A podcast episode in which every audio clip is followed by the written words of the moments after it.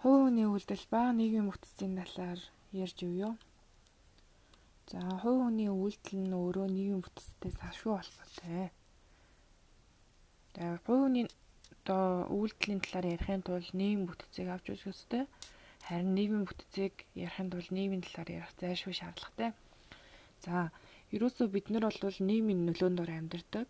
За мөн нийгмийг бүтээдэг хүмүүс нь өөрсдөө байгаа нийгэм нь хүн амын болон соёлын нөхөн үйлдвэрлэлээрээ өөрийн залгамж, тогтвортой чанарыг хангадаг, нэг нутаг дэвсгэр дээр амьдардаг, өөрийн зохион байгуулалт эмх зэгс бүхий улс төрийн хувьд бие даасан өөрсдийгөө тухайн нийгэмд харьяалуулдаг хүмүүсийн тогтвортой нэгдэл юм гэж нэг тодорхойлж бас болно.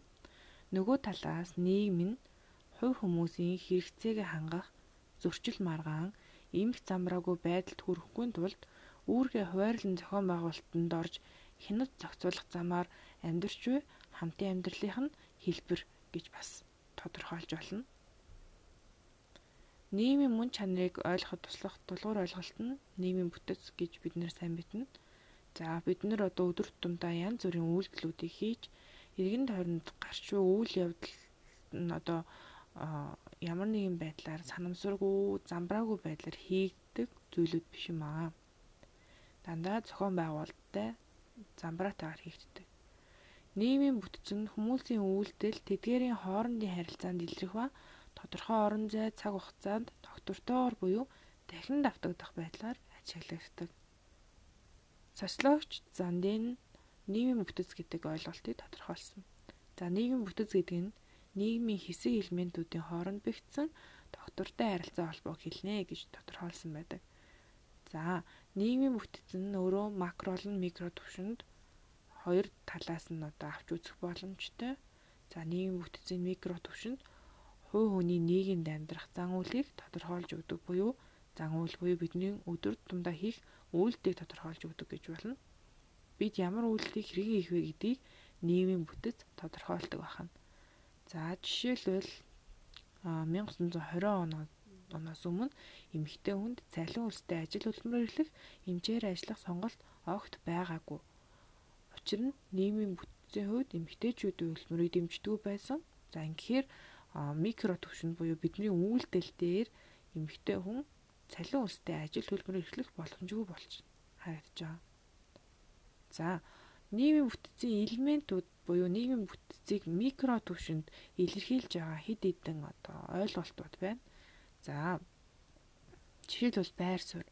За байр суурь гэдэг нь хувь хүн өдөр тутамдаа ямар үйлчлэг хэрхэн хийх вэ гэдэг сонголт байр сууриас шалтгаалдаг. Жишээлбэл эцэг эсвэл их хүн гэр бүлийн болон албан ажил нийтийн өмнө хүлээж буй үүргээ хэрэгжүүлэх замаар өдөр бүрийг өнгөрөөдөг. За ямар үйлдэл хийх нь хүмүүсийн байр суурьтай бүхэлд нь холбоотой байдаг. За жишээлбэл би багш хүн байлаа гэж бодоход багш гисэн одоо байр суурьны үүднээс би ийм ийм үйлдэлүүдийг хийх ёстой их эсвэл хийх ёсгүй гэсэн одоо тийм шаардлагууд бас дааж ирдэг гэж ойлгож байна. Байр суурь гэдэг нь хувь хүний идэлийг ирэх боломж, гүйцэтгэх үүрэг, за бусдын зүгээс хандах хандлагын зохицоор тодорхойлогддог байна. За мэдээж идэлийг ирэх боломж, за гүйцэтгэх үүрэг, бусдын зүгээс хандах хандлагын цогцсон байр суурь гэж ойлгож байна.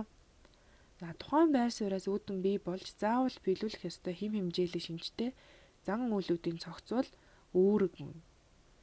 За үүрэг буюу рүүл гэж нэрлэдэг тийм ээ. За энэ нь болохоор бид нэр тухайн ямар нэгэн байр суурийг эзлээд тухайн байр суурьтай хамт ирж буй заавал биелүүлэх ёстой хим хэмжээлэг одоо зан үйлүүдийн цогц буюу үйлдэл байдаг энэ үүрэг маань. За энэ нь бусад хүмүүстэй харилцахдаа юу хийж болох ёстойг заадаг. Тэ? Юу хийх ёстойг заадаг. Тухайн байр суурь бүхий хүн юу хийхийг одоо зөвшөөрөгдөж байгааг бас эрх илэрхийлнэ.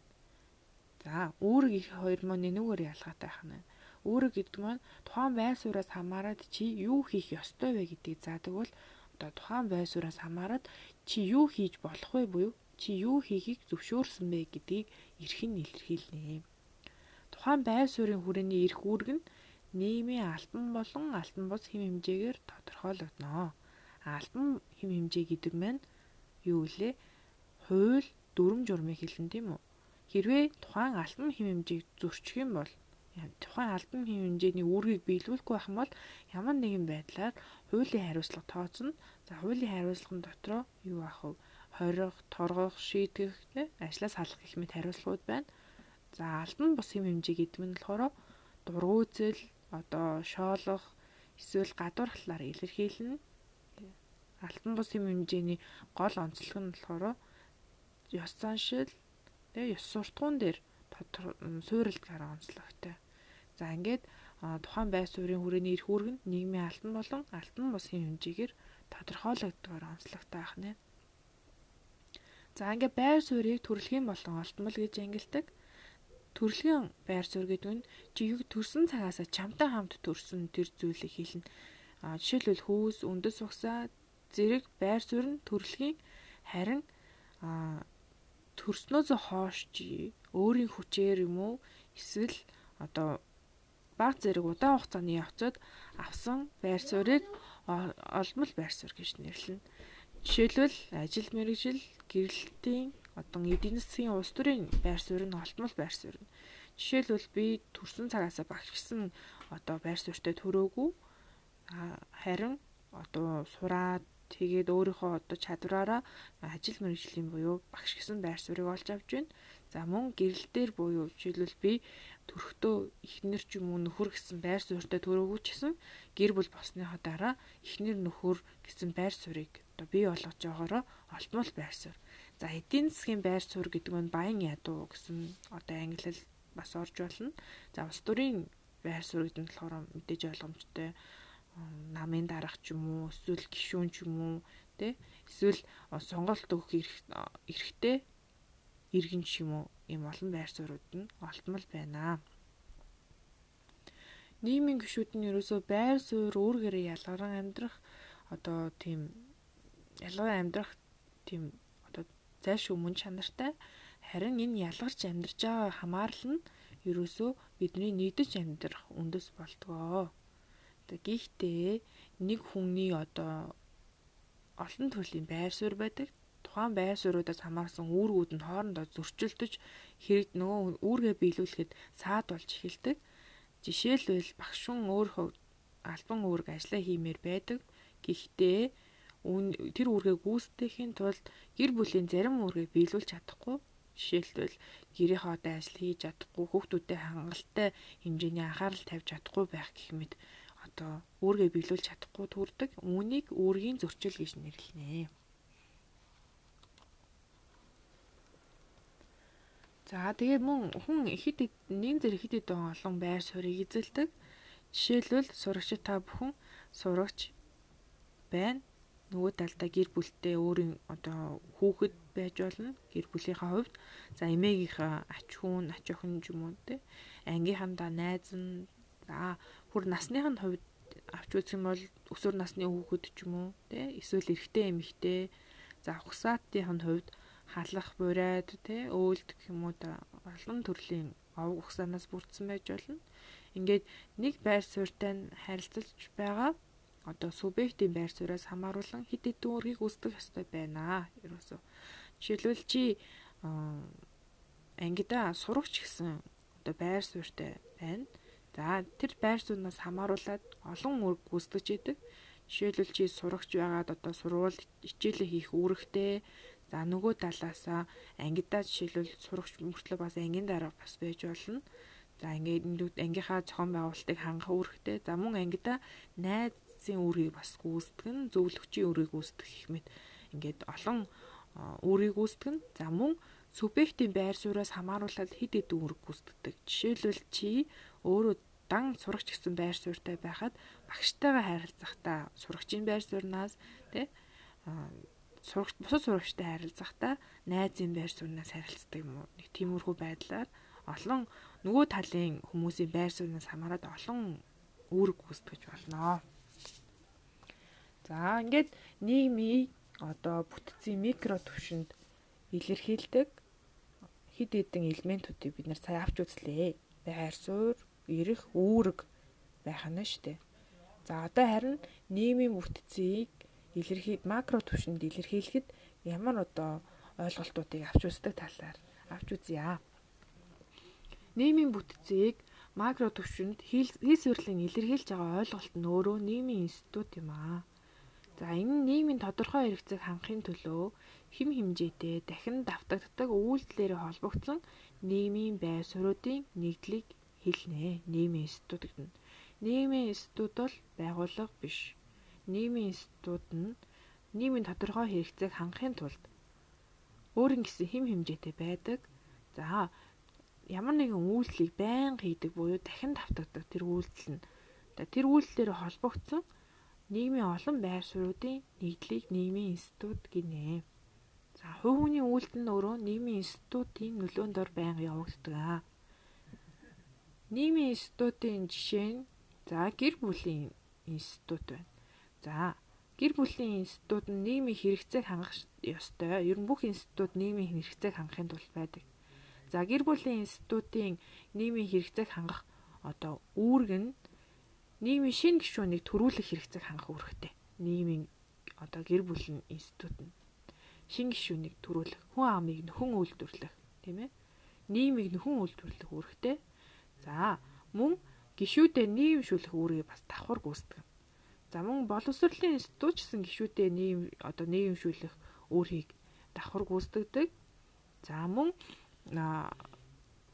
мэдлэгийг хойш үедээ дамжуулах одоо үүргийг гэр бүлийн институт гүйцэтгэн. Гэхдээ бас мэдлэгийг хойч үедээ дамжуулахыг одоо бас боловсролын институт бас давхар гүйцэтгэдэг шүү. За энэ боловсролын институт гэр бүлийн институт одоо шашны институтыг хоорондоо дандаа хойлдог хүмүүс. За гэр бүлийн институтны хамгийн гол онцлог нь нийгмийн шин гишүүнийг төрүүлэх буюу нийгмийн хүн амыг нөхөн үйлдвэрлэлтгээрээ одоо шашны институтлон боловсролын институтаас өөр байна боловсролын институтын гол онцлог нь гишүүдийг нийгэмшүүлэх, шин мэдлэг бүтээхээр онцлогтой байгаа. Шин мэдлэг бүтээдгээр боловсролын институт нь гэр бүлийн институт болон шашны институтаас ялгаатай байгаа шүү.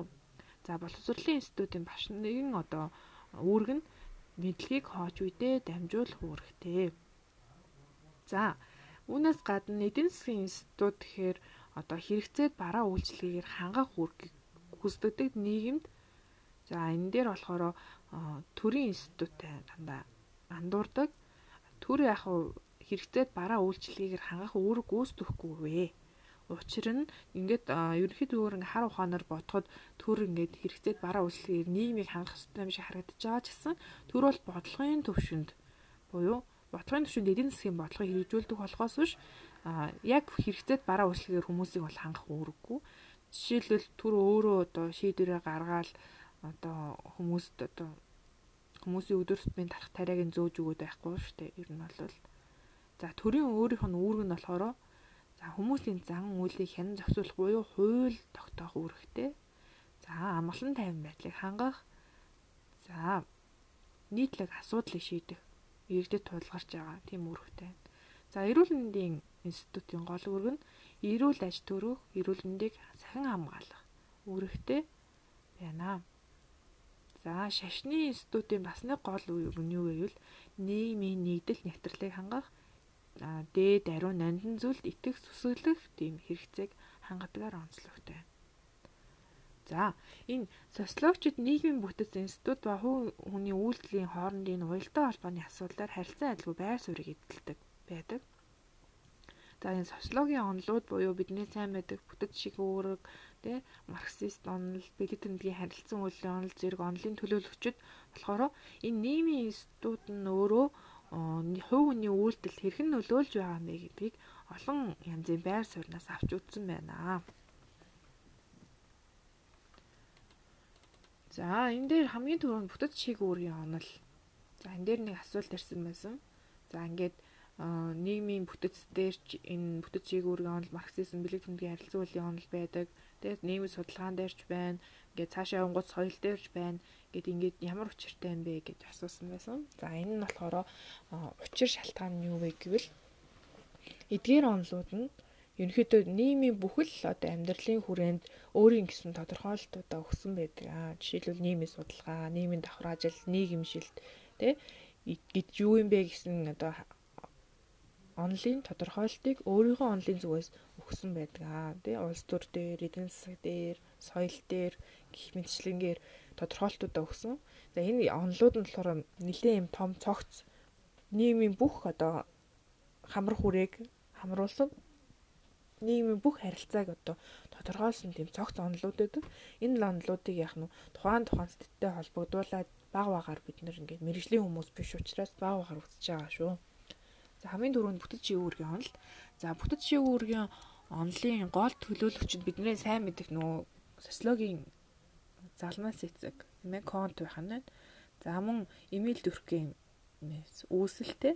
За энэ одоо нийгмийн бүтэцтэй холбоотой тодорхойлолтыг нь болохоор Америкийн нэгдсэн улсын социологч Парсонс бас илүү хөгжүүлж цаашаа орчин үеийн дүр төрхийг бүрдүүлсэн байдгаар онцлогтой байна. За энэ дүрхэм юу гэж үтсэн бэ гэвэл за өөрийнхөө санаа бодлыг илэрхийлэхдээ хэрэглэж буй бэлд тэмдэг худалдаа арилжаанд хэрэглэж буй мөнгөний тогтолцоо мэрэгжлийн зүгээс дагаж мөрдөх горим журам гэх мэт зүйлс надаас миний хэрэглэнээс үл хамааран оршдог гэж одоо дүрхийн үтсэн байдаг. За энэ одоо яг ямар учиртай вэ гэвэл нийгэм болвол бидний оролцоогоор бүрэлдэн тогтчихсон байдаг. Харин энэ одоо нийгмийн бүрэлдэн тогтсон одоо тухайн эдис элементүүд нь бидний үйлдэлд чухал үүрэгтэй гэсэн санааг илэрхийлж байна. За бүтцийн үүргийн онолоор нийгэм болвол өөрөө амьд биетэй төстэй гэж үздэг. За тухайн эд эрхт нь амьд биеийг амьдруулахын төлөө үүрэг гүйцэтгэж байдгийн адилаар нийгмийн институт нь нийгэм болон бусад институтын оршин тогтнолын төлөө тодорхой үүрэг гүйцэтгэж байдгаа гэж үздэг. За энэхүү онолын хандлагасаар боловсролын институтын хүрээнд багш хүн залуу аж үеийнхний нийгэм шин өгчүүд хувь нэмэр оруулахаар ажилладаг бол түүний оронд байр одоо сууцанд амьдрах хэрэгцээг хангахаар эдийн засгийн институтын хүрээнд барилгачид ажиллана. Ийхүү онол нь хувь хүний үйлдэл нийгмийн институт дахь түүний байр суурь өөрөөр тодорхойлогдно гэдэгт анхаардаг буюу нийгмийн институт нь тухайн хүний үүргийг тодорхойлдог. Нийгмийн тухайн хүний үүрэг нь өөрөө нийгмийн институтэд ямар байр суурь эзэлж байна, ямар үүрэг гүйцэтгэж байна гэдгээр тодорхойлогдно гэж утсан байна. Жишээлбэл багш нь боловсролын институт тариалагддаг учраас боловсролын институтын одоо ямар байр суурийг эзэлж байгаагаас хамаарат миний хувь хүний үйлдэл тодорхойлогдно гэж үзсэн байдаг. За энэ дээр нийгмийн институтын чиг үүргийг судалснаар онцлогтой.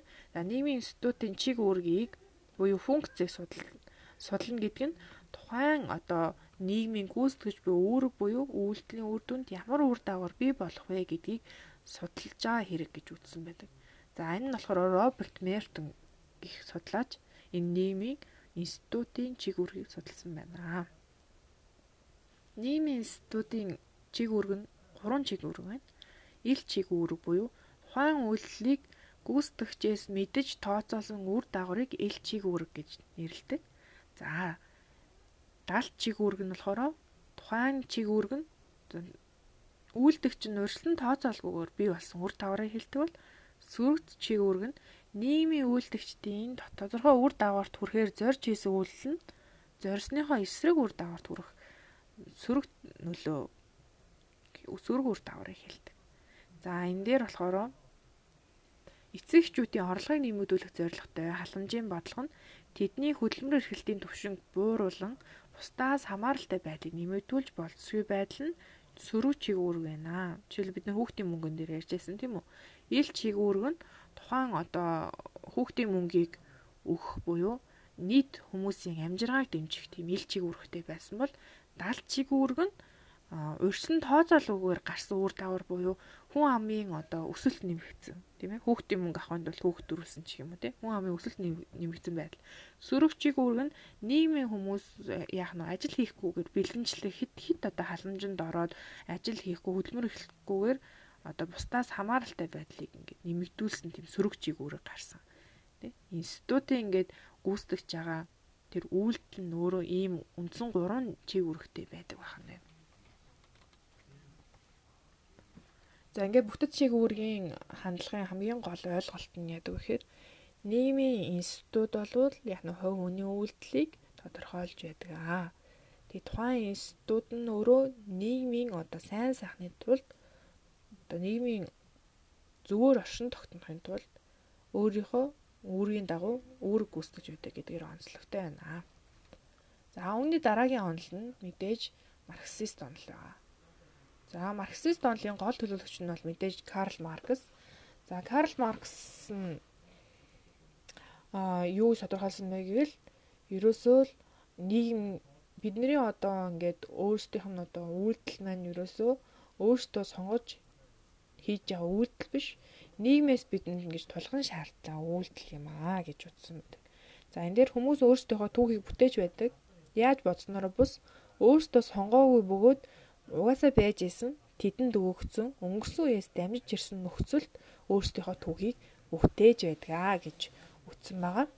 За хувь хүн нийгмийн бүтцийн нөлөөлөлд амьдардаг болохыг одоо тайлбарласан онол яг бүтэц шигүүрийн онолтой адилхан ерөөхдөө гол ерөнхийдөө цөм санаа нь гэхдээ за уг онолын хандлага нь одоо нийгмийн тэр нөөц буюу баялагийг хянаж эзэмшиж буй нийгмийн томоохон бүлгүүдийн зөрчил бүхий байдал нийгэм гэж үтсэн. Нийгэм бол өөрөө ингээд байнгын зөрчил оршин тогтнож идэг. За зөрчлийг шийдвэрлэх даван туулах гэсэн үйлдэлүүд нь нийгэм өөрчлөлтөд хүрдэг буюу нийгмийн хувьсгалд хүргэдэг. За нийгмийн байр суурьуудын ялгаа нь ингээд зохицолт хүргээд нийгэм ингээд сайхан байхаас илүүтэйгээр за өөрсдийнхөө ашиг сонирхлыг хэрэгжүүлэхийн төлөө зөрчилдөд хүргэдэг гэж энэ онол нь үздэг. За эдийн засаг эрх мэдлийн нөөцийг эзэмшиж байгаа цөөхөн хэсэг өөрсдийн эрх ашигт нийцэн дэг журмыг тогтоон хэрэгжүүлдэг бөгөөд за энэхүү дэг журмын дагуу үйлдэлийг нийгмийн гишүүдээс шаарддаг. Тэгэхээр бидний үйлдэл бол ерөөсөө 100 тонны эрх мэдэл буюу нөөцийг эзэмшиж байгаа тэр хүмүүсийг одоо өөрсдийнхөө эрх ашиг хэрэгжүүлэхин төлөө тогтоосон дүрм журмын дагуу үйлдэлээ хийдэг байна. Тэгээ тэр дүрм журмынхаа дагуу биднийг энэ үйлдэлийг хийхийг шаарддаг гэж үтсэн юм Маркс. За үүний дараагийн бэлэг тэмдэг харилцан үйлслийн онол нь хүний нийгмийн одоо ингээд мөн чанар буюу хүний үйлслийн мөн чанар нь юусоо нийгмээсээ биш яг нь өөрөөс нь шалтгаалнаа гэж үзсэн онол байгаа. Бэлгэнтэй харилцан үйлслийн онол нь. За энэ нь болохоор нөгөө марксизм, марксист онол за мөн бүтэц шигүүрийн онолоос ялгаатай байгаа. За энэ мид гэж одоо эрдэмтэн байдаг. За энэ судлаач юу гэж үзсэн бэ гэвэл нийгмийн харилцан үйлслийн явцад хүн бусдын үүргийг хүлээн авах замаар өөрийн биеийг бүрэлдэн болдог гэж тайлбарласан.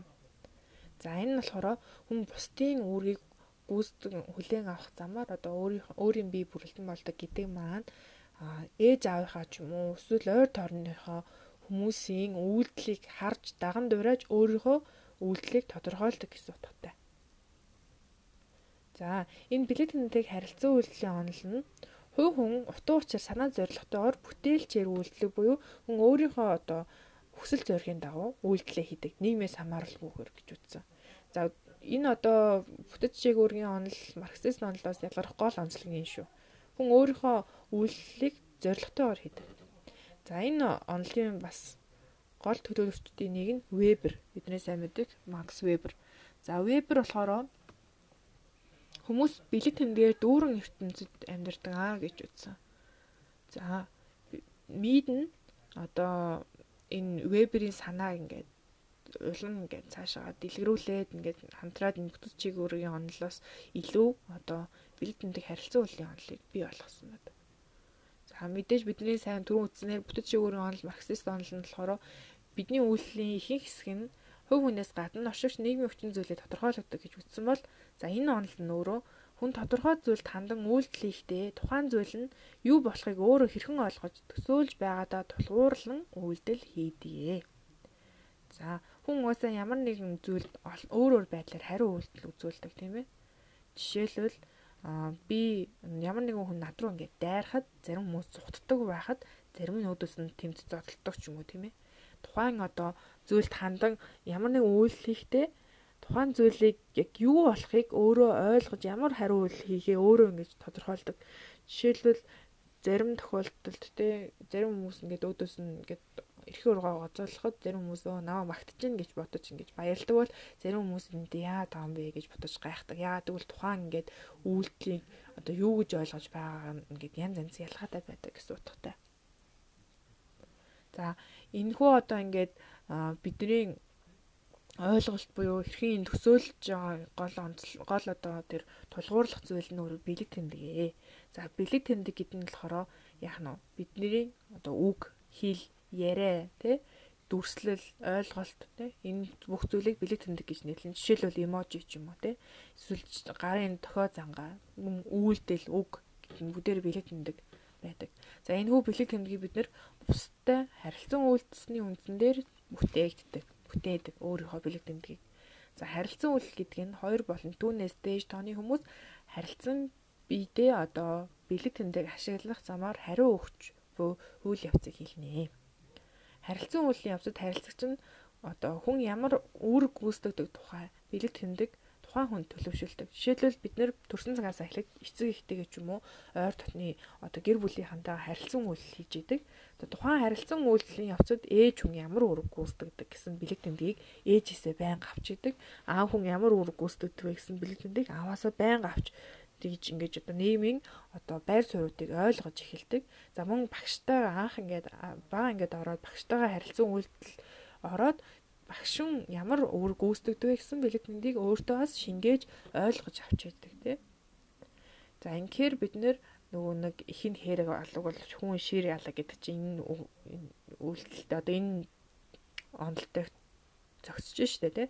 Жишээлбэл ээж нь ямар үүрэг гүйцэтгэдэг жишээлбэл ээж нь ингээд байнгын ганцаараа гэр орны ажлаа ингэж хийдэг байсан болвол ээж хүн ингэх ёстой юм байсан гэсэн үүргийн тэр тухайн төсөөлөл хүүхдэд бэлэг тэмдгээр дамжаад суучдаг. Яг тэр өөрийнхөө дагуу ирээдүйд бас амьдрна гэсэн үг байхгүй. Ер нь бол За инхээр биелэлтэндээ харилцан үйлдлийн онол нь хүн өөрийнхөө үйлдлийг өөрийн ойлгож байгаа ойлголтоос буюу бэлэг тэмдгээрээ дамжуулаад одоо гүйцэтгэдэг гэж үзснээрээ нөө бүтэц шиг өөрийн онол марксизмаас ялгаатай байх нь шүү дээ. Ер нь бол За ингээд нийгмийн бүтэц нийгэм одоо хувь хүний одоо үүрэг үйлдэлтэй хэрхэн холбоотой талаас авч үзлээ. За макро түвшинд нийгмийн бүтцийг институт илэрхийлдэг бол микро түвшинд хувь хүний одоо байр суурь, үүрэг, эрх зэрэг элементүүд илэрхийлдэг байх нь шүү. Макро түвшинд ийм бүтцийг илэрхийлнэ гэдэг маань улс орны илүү одоо нийлэнхүүд нь буюу том том байдлаар нь хавж үзэж байна тийм ээ эрүүл мэндийн боловсролын тэ улс төрийн шашны гэх мэт гэр бүлийн гэх мэт гэр бүл гэхээр зөвхөн нэг гэр бүл биш улсын тухайн улсын бүх нийт гэр бүлийг хамааруулан ойлгож байна. За микро төвшин тэгэхээр жижиг төвшин буюу одоо хувь хүн дээр гэсэн үг шүү. Хувь хүний байр суурь, хувь хүний үүрэг, хувь хүний эрхийн талаар ойлгож байгаа гэсэн үг. За ингээд 10 дугаар ангийнхаа сурах хүчгийн 5-аас 9 дугаар хуудсыг уншиж илүү тодорхой ойлголтыг өөрөө авах боломжтой шүү. За баярлалаа.